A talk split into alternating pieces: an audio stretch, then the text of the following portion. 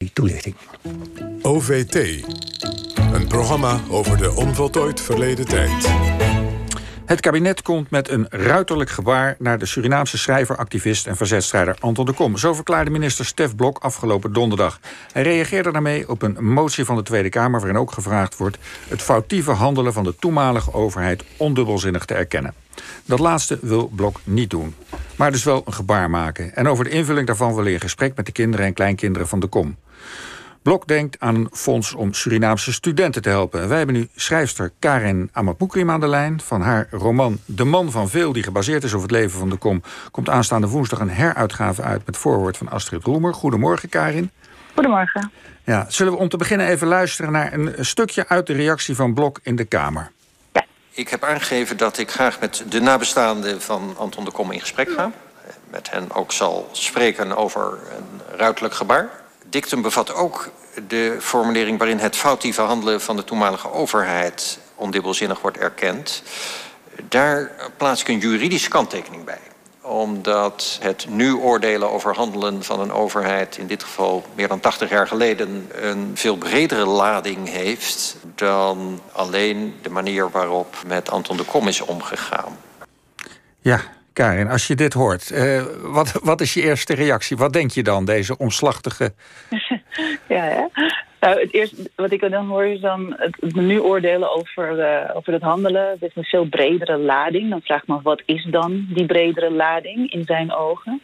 Uh, het is niet onwaar natuurlijk, maar Um, het is ook wel een heel bekend uh, retorisch trucje om te wijzen op hoe complex zo'n vraagstuk is, zodat je daarna je handen ervan af kan trekken, want het is, het is te ingewikkeld. Ja, het is een omslachtige, veilige uh, afleidingsmanoeuvre eigenlijk, ja. als, ik het, als ik jou goed begrijp. We komen er straks ongetwijfeld nog op terug. Um, kun je even uitleggen aan ons, Anton de Kom, wie hij was en waar hij voor stond? Uh, de Kom was een, een zwarte schrijver en een publicist een man die zich uh, eigenlijk van jongs af aan Suriname al het lot van de arbeider of, of de minder bedeelde aantrok. Hij kwam in de jaren twintig in zijn eentje naar Nederland. Hij trouwde hier met een, Nederlands meisje. Uh, en hij sprak zich eigenlijk uh, voortdurend uit tegen het koloniale geweld van Nederland. Niet alleen in Suriname, maar ook in Oost-Indië. Um, uiteindelijk keerde hij terug naar Suriname samen met zijn gezin om eigenlijk de uitbuiting van de Javaanse contractarbeiders, voornamelijk in Suriname, aan de kaak te stellen. En dat leidde tot uh, onrust uh, bij, uh, bij de koloniale overheid in Suriname. Toen is hij een paar maanden zonder proces vastgezet geweest. Uiteindelijk hebben ze hem verbannen naar Nederland um, en werd hij gevolgd door de geheime dienst omdat hij als staatsgevaarlijk werd aangemerkt. En toen de Tweede Wereldoorlog uitbrak, um, sloot hij zich bij het verzet aan en werd hij um, gearresteerd door de Duitsers. En hij is uh, eind april in uh, Zandborstel, concentratiekamp, overleden.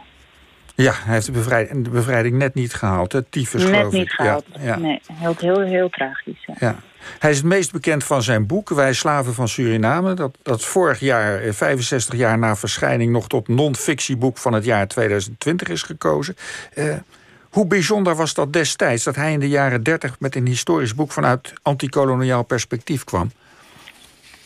Het was heel bijzonder. En niet alleen vanwege het antikoloniale perspectief, denk ik, maar het was vooral het bijzondere was dat het vanuit het eigen perspectief was geschreven.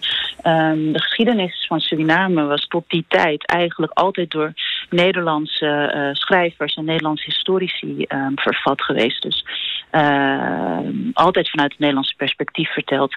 En de Kom kwam met Wij Slaaf van Suriname, voerde hij mannen als Bonnie en Baron en Jolicoeur uh, op. Die werden door de Nederlanders eigenlijk als een soort van terroristen gezien, omdat ze zich uh, um, verzetten tegen de slavernij.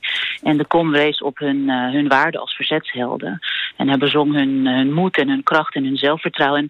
En, hij zegt ergens in het boek ook, en dat ik parafraseer nu, um, dat dat ook noodzakelijk is om dat te doen. Omdat een volk wat eigenlijk altijd wordt geleerd om de, de zonen van een ander volk als helden te vereren.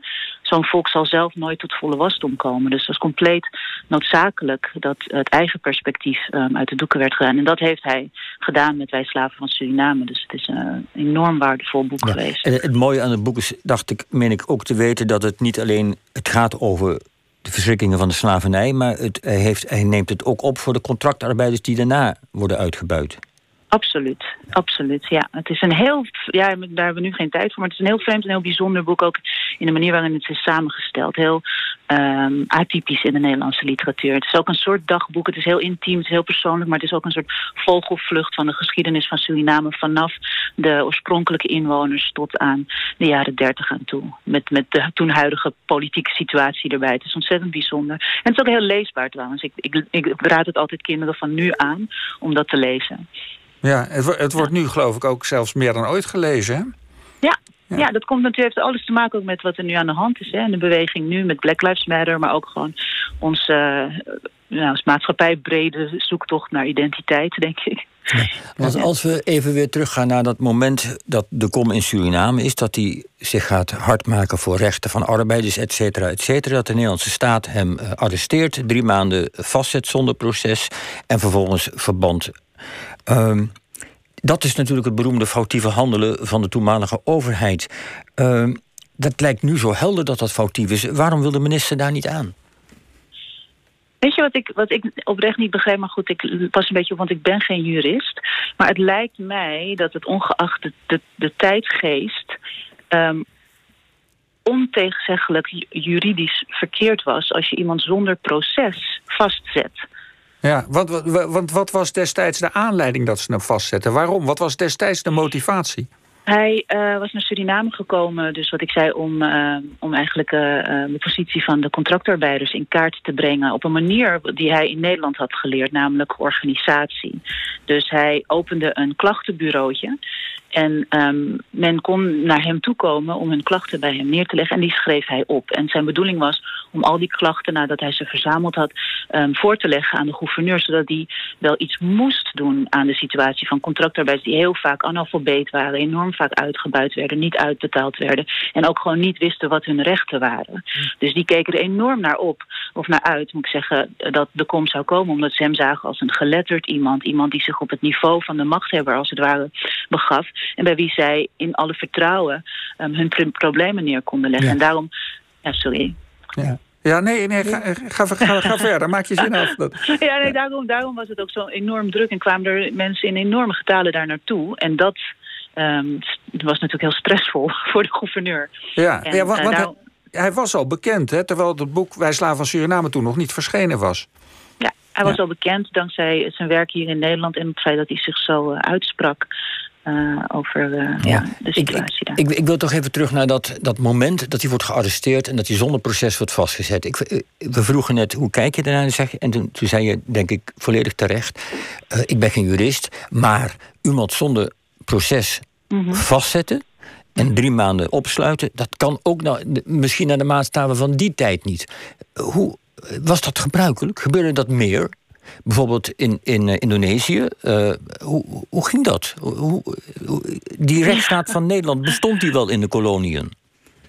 Ja, volgens mij wel. Maar um, ja, het is natuurlijk een hele, ja, een hele. Het is ook gewoon een beetje als je, als je uh, mensen niet als gelijkwaardig beschouwt op andere niveaus, zeg maar subtielere niveaus, dan kan je ook uh, op een andere manier handelen met bepaalde mensen. Dus ik denk niet dat het snel gebeurt dat een wit persoon in Suriname of in Indonesië zonder proces uh, drie maanden gevangen werd, gevangen werd gezet. En misschien ook wel hoor. Dat, uh, dat, nogmaals, ik ben geen jurist, dus ik weet niet precies hoe dat zich heeft ontwikkeld en uh, wat daarin tot in detail hoe dat geregeld was daar. Maar eigenlijk vind ik dat zo'n discussie over wat kan de Nederlandse overheid nu zeggen en stellen, dat dat daar ook een beetje aan voorbij zou moeten gaan. In die zin van wat is je morele verantwoordelijkheid? Ja, wat, wat, ja. ja, de minister verschuilt zich nu achter een soort procedureel verhaal. Ja. Dat kan eigenlijk niet. In, de huidige, in het huidige debat moet hij toch meer zeggen dan dat, of niet?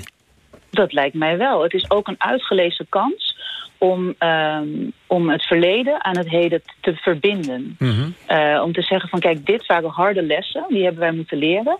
Dit is wat wij verkeerd hebben gedaan. En dit is de les, dit is wat wij ermee gaan doen. In plaats van te zeggen, oh nou, daar hebben we eigenlijk niks meer mee te maken. Want eigenlijk zegt hij nu, we kunnen niet met onze huidige bril naar het verleden kijken. Als hij heel nadrukkelijk zegt, meer dan 80 jaar geleden, zegt hij heel nadrukkelijk in dat fragment wat je net liet horen. Um, daarmee eigenlijk, joh, dat is zo lang geleden, daar kunnen we eigenlijk nu helemaal niets meer mee doen. Ja. Ik, vind dat, uh, ik vind dat echt verwerpelijk. Ja, maar het is, het is toch een reflex die we wel vaker zien. Ook als het bijvoorbeeld over wantoestanden in Indonesië uh, gaat. Zou er ook een angst voor, voor financiële eisen aan vast achter liggen? Ongetwijfeld, wel in het geval van de kom is het natuurlijk een individueel geval. Dat is natuurlijk wat anders dan de discussie over herstelbetalingen ook, weet je, in de slavernij. Dus dat lijkt me wat eenvoudiger. Maar ik heb soms wel het idee dat mensen, dat politici hier um, heel snel hun handen van aftrekken, omdat uh, er zoveel onder het tapijt geschoven. Uh, het is een hoofdpijndossier. Je wil, het heeft geen zin om dat in jouw termijn op moet, te moeten lossen. En er is ook een bepaalde urgentie die dan mist voor hunzelf.